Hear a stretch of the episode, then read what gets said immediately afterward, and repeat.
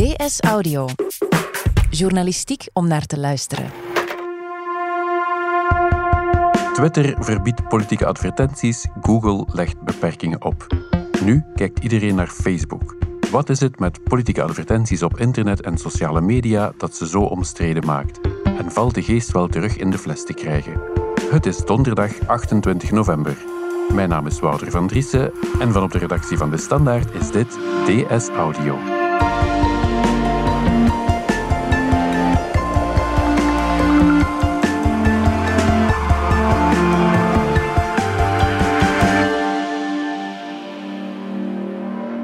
Dominique Dekmijn, jij bent technologiejournalist bij de krant en jij schrijft regelmatig over politieke advertenties op sociale media. Waarom is daar nu zoveel ophef over? Wel, omdat er een aantal eh, belangrijke verkiezingen aankomen natuurlijk. En het gaat mhm. dan met name over verkiezingen eh, in Engeland, waar veel naar gekeken wordt. En naar de Amerikaanse presidentsverkiezingen. Volgend jaar, iedereen, ja, iedereen herinnert zich, uh, het is daar bij die Amerikaanse presidentsverkiezingen in 2016 zo misgelopen. Dus dat is eigenlijk de, vooral de reden dat daar nu zoveel uh, opwinding over is. Ja, en kun je eens een voorbeeld geven van het soort politieke advertenties dat nu onder vuur ligt? Wel, het is eigenlijk allemaal begonnen met dat spotje van de campagne van Donald Trump waarin Joe Biden mhm. die hij op dat moment zag als zijn meest belangrijke en meest waarschijnlijke uitdaging voor het presidentschap, verdacht wordt gemaakt, waar gesuggereerd wordt dat hij uh, in Oekraïne is tussengekomen om zijn zoon Hunter Biden te beschermen. Ja, en over dat spotje is een commotie ontstaan. Ja, eerst uh, heeft uh, de campagne van uh, Joe Biden zelf geprotesteerd. Van hoe is het nu in godsnaam mogelijk dat, dat Facebook zo'n leugenachtige video over ons kan tonen? Die moet onmiddellijk worden weggehaald. Mm -hmm. Wat Facebook toen heeft geweigerd. Waarom? Omdat zij zeggen, uh, ja, dit is, uh, dit is het politieke debat en daar willen wij niet in tussenkomen. En toen is een andere presidentskandidaat, ook een kandidaat voor de democratische nominatie, Elizabeth Warren. En mm -hmm. dat is de dame die zo min of meer de schrik van de grote techbedrijven is aan het worden. Toen is zij zich daar persoonlijk mee gaan bezighouden en heeft eigenlijk nog harder dan Biden zelf Facebook daarop aangepakt. Hè. Dus zij zegt van, kijk, Facebook laat zich betalen voor desinformatie. Ja, dat is één kant van de problematiek. Is zo'n spot dan waar of niet? Maar dat is niet het enige probleem met politieke advertenties. Nee, dus daarnaast heb je die problematiek uh, van microtargeting, waar we intussen al een paar jaar over spreken. Microtargeting, dat ga je toch nog eens verder moeten uitleggen. Dus het gaat over advertenties die aan kleine groepen mensen worden getoond. Op welke basis dan? Wel, dat is dan telkens de vraag. Hè? Dus uh, bij traditionele politieke advertenties is het meestal zo dat een bepaalde partijboodschap wordt uitgedragen naar het grote publiek. Die is dan te zien. Ja, in de VS is dat dan in een spotje op televisie. Uh, bij ons gaat het dan in grote posters langs de weg staan. Er is een boodschap voor iedereen. En dan heb je de meer gepersonaliseerde aanpakken, waar dat je bijvoorbeeld in, in een probleemwijk uh, heel specifiek uh, gaat communiceren over uh, migratieproblemen, terwijl je dan in de, in de villa-wijk daarnaast eerder over, ja, weet ik veel, dierenmishandeling gaat, gaat spreken. Je, je, je past het thema aan aan het publiek. Ja. En uh, dat is natuurlijk op zich iets nieuw in de politieke communicatie. Er, je, je, kunt ook uh, folders in iemands bus steken mm -hmm. en gepersonaliseerde brieven in iemands bus steken. Maar op de sociale netwerken, op Facebook, is men zich daar zorgen over beginnen maken. Ja, want hoe werkt dat juist, die microtargeting? Wel, er zijn natuurlijk uh, veel manieren om aan microtargeting te doen, maar de technieken waar men zich zorgen over maakt, zijn die dingen waarover we vorig jaar zijn beginnen spreken in de context van Cambridge Analytica, dat nogal schimmige bedrijf dat... Uh, profielen had opgesteld van miljoenen Facebook-gebruikers. Mm -hmm. Zij hadden daar psychologische profielen van gemaakt. Op basis van een testje. Op basis van een zelftestje, een onschuldig ogend zelftestje dat je kon invullen. Op basis daarvan werden psychologische profielen gemaakt.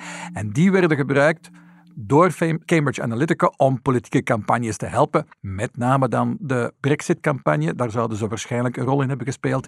En de politieke campagne van uh, Donald Trump. Ja, dat was 2016 en je zei ja. daar is het eigenlijk beginnen misgaan. Maar hoe lang gebruiken politici die sociale media eigenlijk al? Wanneer is dat begonnen, die politieke advertenties daar? Wel, de, de verkiezingen waar voor het eerst sociale media duidelijk een grote rol speelt. Dat iedereen dat, dat, dat fenomeen ontdekte was uh, ja, uh, acht jaar eerder. Barack Obama, Barack Obama werd ja. heel erg beschouwd als de eerste social networking app president in Zoals die Kennedy in de jaren 60 de eerste televisiepresident Ja. was, was Obama de eerste Ja. sociale mediapresident. Ja, en eh, toen zaten we nog in eh, minder gesofisticeerde tijden wat dat betreft. Het ging toen eerder over hoeveel friends hij had op, eh, op En Facebook. hoeveel volgers op Twitter. Ja, precies. Eh, intussen zijn we natuurlijk met meer gesofisticeerde technieken beginnen werken. En dat is eigenlijk wat, er, wat vooral in 2016 naar boven kwam. Ja, en die gesofisticeerde technieken, dat was dan die zogenaamde micro-targeting. Wat is het gevaar daar precies van? Eh, Er zijn verschillende gevaren, maar waar je vooral kritiek op hoort, is dat het politieke debat niet meer zo publiek is. Hè? Als, als een, een partij duidelijk voor één eh, standpunt staat, en dat verkondigt de partijleider dan tijdens een televisiedebat, en dat staat op grote posters, dan weet je waar een partij voor staat. Als je verschillende groepen met een verschillende boodschap eh, gaat benaderen, verlies je het overzicht een beetje. Ja, en daarbij komt dan nog het gevaar dat, ja, dat mensen niet meer geconfronteerd worden met argumenten van de andere kant, dat ze in een zogenaamde filterbubble terechtkomen. Een informatielucht wel. Ja, precies dat. Hè. Eh, dus, eh, en wat eventueel dan mogelijk wordt, is dat een partij zelfs tegenstrijdige boodschappen geeft eh, aan verschillende groepen. Hè. In, in theorie zou je kunnen indenken dat effectief dat die partij aan de ene groep zal zeggen van ja, we gaan de belasting op de rijken verhogen en dat het aan die rijkere mensen een andere boodschap geeft. Ja, en in theorie zou het zelfs zo kunnen zijn dat die twee groepen dan nooit van elkaar te weten komen. Ja, want inderdaad, je, je, je verliest die transparantie van het publieke debat.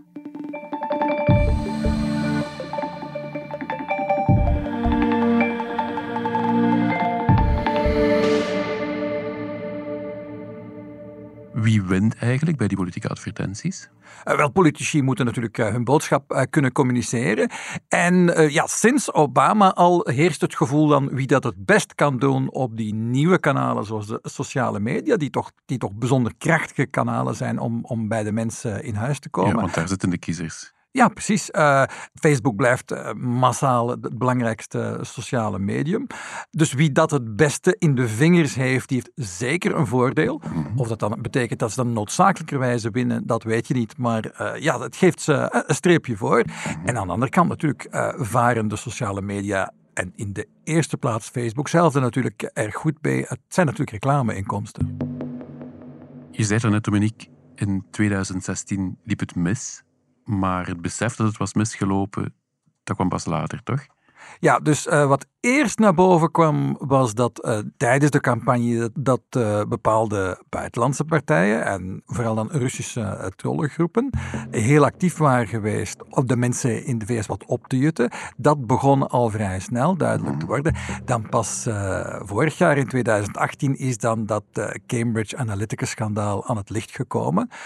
En dat ging dus over psychologische profielen die waren opgesteld van minstens 50 miljoen Facebook-gebruikers en die gebruikt zouden zijn precies voor die microtargeting. Op basis daarvan kon men ook de gegevens opvragen van al hun vrienden en zo kwam men aan, aan een enorme pool van tientallen miljoenen mensen. En die profielen ging eh, Cambridge Analytica dan aanbieden aan uh, politieke campagnes, met name die van Donald Trump, om heel specifieke kleine groepen te gaan aanspreken met een boodschap. Dat was dan het idee, een boodschap die echt op hun maat gesneden was. Ja, Facebook is daarvoor aan de schandpaal genageld. Er zijn hoorzittingen gekomen met Mark Zuckerberg. Welke impact heeft dat gehad op de techwereld? Uh, wel, er is natuurlijk een, groot bewustzijn over gegroeid en er is intussen best al wel wat gebeurd. Hè? Ja. Dus uh, bij de recente verkiezingen hier in België konden we voor het eerst eigenlijk al gebruik maken van dat nieuwe instrument dat Facebook sindsdien heeft uitgewerkt, uh, hun ad library. En dat is eigenlijk een bibliotheek letterlijk van alle advertenties die een bepaalde partij, of liever een bepaalde Facebook-pagina, want het werkt vanuit Facebook-pagina's, heeft getoond.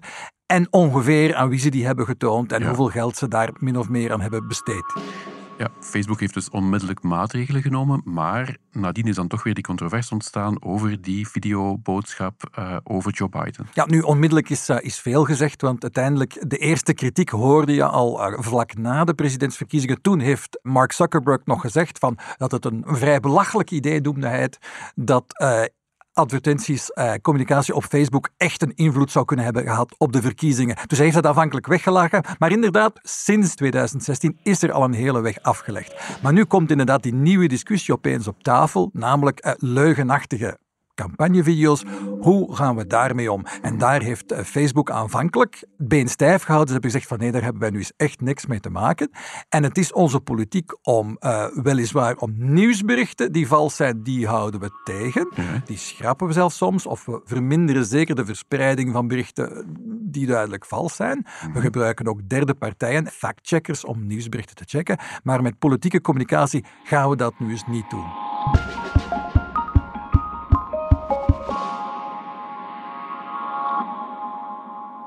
Dat was de reactie van Facebook, maar andere techbedrijven hebben anders gereageerd. Ja, daar zag eh, Jack Dorsey, de oprichter en huidige baas van Twitter, zag daar een opportuniteit en heeft dan enkele dagen later getweet van kijk, die politieke aandacht in, in het politieke debat, die moet je verdienen, die mag je niet kopen, zei Jack Dorsey op Twitter. En hij kondigde aan dat op Twitter geen politieke reclame meer zal worden toegestaan. Ja, hoe bold was die move? Dat was vrij ongewoon toch voor Twitter? Uh, wel, Twitter is altijd zo de partij geweest die zo'n beetje aarzelt, die zeker als het gaat om ingrijpen op hun platform heel voorzichtig is geweest. Alles mag op Twitter gezegd worden en dat willen we zo houden. Mhm. Dus Jack Dorsey tot dan toe altijd heel uh, terughoudend. Maar blijkbaar zien andere techbedrijven, net als Facebook, ook een beetje de bui hangen. Uh, er zijn allemaal politici die kritische dingen zeggen over big tech, die zeggen van we zouden toch eens moeten kijken naar de macht, naar de invloed van die bedrijven. Dus dat is een beetje de achtergrond van wat hier aan het gebeuren is. En plots inderdaad verrast Twitter de wereld door een principieel standpunt in te nemen en zeggen wij bannen die politieke reclame. Dus dat, uh, dat was een indrukwekkend statement, ja. Ja. Loopt Twitter daardoor eigenlijk veel geld mis? Nijdt het daarmee in zijn eigen vel? Nee, en dat, dat, dat merken critici dan op. Ja, maar er was toch helemaal niet zoveel politieke reclame op Twitter. En dat is ook waar. Mhm. Maar dat geldt voor Facebook eigenlijk au fond ook, dat is nu uh, de belangrijkste inkomstenbron van al die bedrijven, is commerciële reclame. Een ander punt van kritiek dat je wel kunt aanvoeren is dan een verbod van politieke reclame op Twitter. Betekent niet dat je niet meer misleidend kunt communiceren op mhm. Twitter, want typisch, ja, wat doet Donald Trump? Hè? Donald Trump plaatst geen advertenties op Twitter. Donald Trump tweet gewoon naar zijn 60 miljoen volgers heel misleidende dingen. Uh, soms tientallen tweets op een dag. Uh, de succesvol campagne voeren op Twitter betekent controversiële dingen zeggen, die laten retweeten door andere mensen, maar niet noodzakelijk betaalde advertenties plaatsen. Ja, het is wel opmerkelijk dat je zegt van politieke advertenties zijn eigenlijk financieel, economisch niet zo belangrijk voor die techbedrijven. Maar waarom is het dan zo'n big deal? Wel, ten eerste gaat dit echt naar de kern van wat die bedrijven zijn. Hè? Dus uh, waarom is Facebook zo'n aantrekkelijk uh, advertentieplatform voor iedereen? Omdat je zo op zo'n fijne, unieke manier kunt uh, je boodschap richten aan net de juiste mensen. Ja. er bestaat geen praktische manier om dat op de radio of op de televisie of in tijdschriften te doen. Dus Facebook kwam echt iets echt uniek. En ook de politiek heeft dat dan ontdekt. Als je dat dan begint af te bouwen en zegt van ja, eigenlijk die heel gepersonaliseerde reclame, ja, dat is toch niet zo'n goed idee. La, mhm. laat ons dat maar niet doen of laat ons dat beperken. Dat gaat toch wel naar het hart van wat die uh, bedrijven zijn.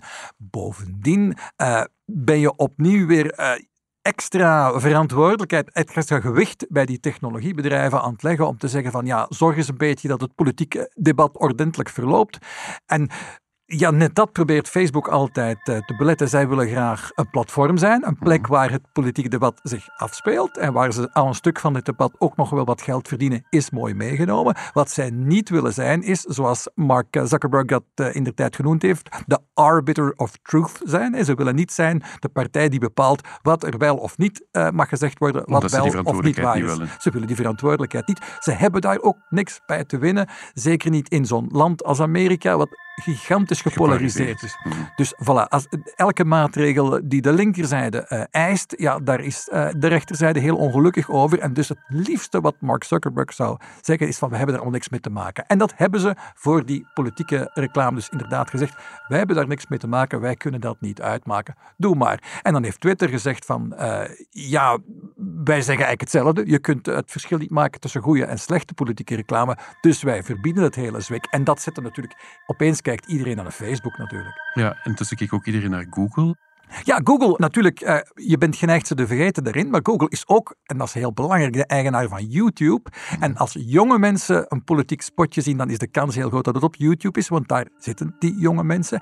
En dat bewuste spotje van Joe Biden is eigenlijk op YouTube veel meer gezien dan op Facebook zelf. Dus Google uh, bleef helemaal niet buitenschot. En Google voelde zich duidelijk ook onder druk gezet om iets te doen. En zij is dan iets, met iets veel beperkter van impact gekomen. Ze hebben gezegd van ja, uh, wij laten nog politieke reclame toe, maar die mag niet meer gericht zijn. Die microtargeting, dat doen we niet meer.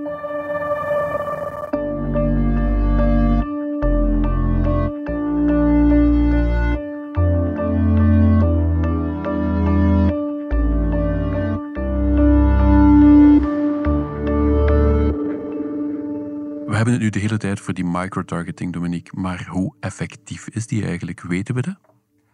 Eh, wel, ik hoor daar altijd heel tegenstrijdige dingen over. Ja, op het moment dat die Cambridge Analytica technieken uh, aan het licht kwamen, dat heeft toch wel voor een schokeffect gezorgd. Dus het idee dat kun je werkelijk een verkiezing een andere kant laten opgaan door hele kleine groepjes mensen heel specifieke boodschappen te geven. Er zijn ook wetenschappers geweest die, die vierkant gezegd hebben, geloven we niet. Ongetwijfeld heeft Cambridge Analytica dat geprobeerd. Ongetwijfeld uh, geloofden ze bij de campagne van Donald Trump dat Cambridge Analytica dat inderdaad kon. Maar heeft dat nu werkelijk, uh, is dat nu werkelijk de factor geweest die Donald Trump de verkiezing heeft doen winnen? We weten dat niet. Laten we minstens zeggen van het heeft zeker een effect. Of het zo'n groot effect heeft dat men daar nog niet uit is.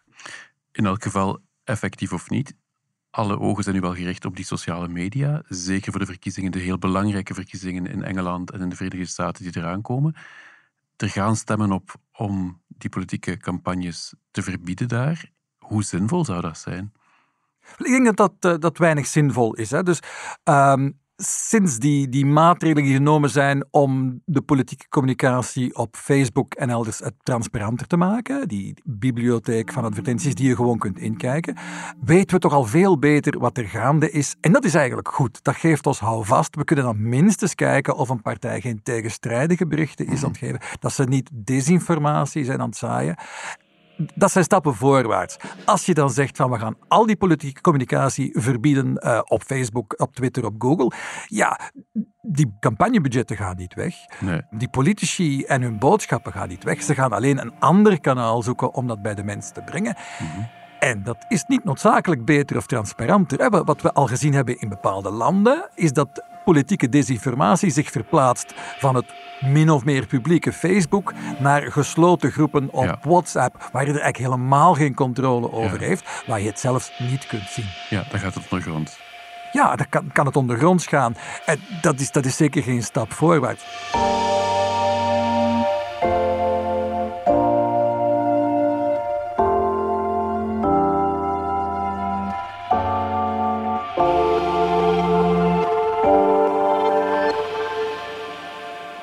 Hebben het, Dominique, vooral gehad over de Verenigde Staten en Groot-Brittannië. Hier zijn er natuurlijk ook recent verkiezingen geweest met een heel opmerkelijke sociale mediacampagne van uh, Vlaams Belang. Weten we eigenlijk of die impact heeft gehad?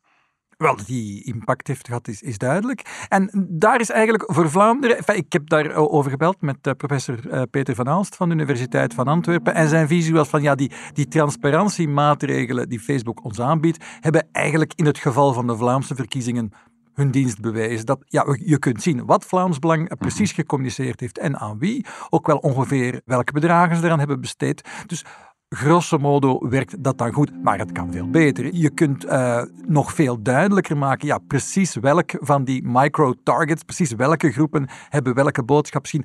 Dat zou nog wat duidelijker kunnen, maar dat lijkt te volstaan. Uh, het grote verschil dat je hebt tussen de Belgische situatie en in de VS is de grotere polarisatie. Uh, waarbij in België kijkt uh, iedereen nog altijd naar dezelfde VRT of VTM uh, eh, nieuwsuitzendingen.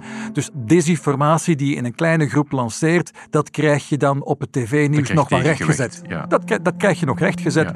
En dat is in de VS veel, veel minder zo.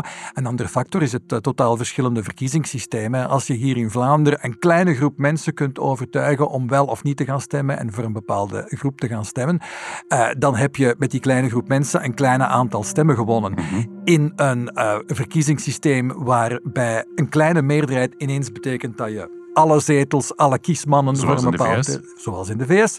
Of zoals bij de brexit-verkiezingen uiteindelijk, waar een, een klein verschil in stemmen een enorm verschil kon maken in de In de uitslag. Ja, dan, heeft, dan hebben alle kleine beetjes belang. En is het natuurlijk heel belangrijk om naar die kleine groepen te kijken. Alhoewel andere politieke specialisten dan zeggen van ja, oké, maar wat je communiceert naar de grootst mogelijke groep, die grote videospots die je aan iedereen toont, zowel op Facebook eh, als op televisie, dat dat toch nog altijd het belangrijkste is. En ik denk dat dat ook wel klopt. Goed, Dominique Dekman, heel erg bedankt. Graag gedaan. Dit was DS Audio. Wil je reageren? Dat kan via dsaudio.standaard.be. In deze aflevering hoort je Dominique Dekmijn en mezelf, Wouter van Driessen. De redactie gebeurde door Anna Korterink, Anna deed ook de eindredactie. Bert Plasgaard deed de audioproductie. Brecht schreef ook de muziek. In de show notes van deze aflevering vind je een link naar het artikel van Dominique. Vond je deze podcast interessant? Weet dan dat je er elke werkdag in kunt beluisteren. Dat kan via de DS Nieuws app of via standaard.be-audio. Je kunt je ook abonneren via iTunes, Spotify of de podcast app van je keuze. En als je dat dan toch bent, schrijf gerust een review. Zo toon je ook anderen de weg. Morgen zijn we er opnieuw.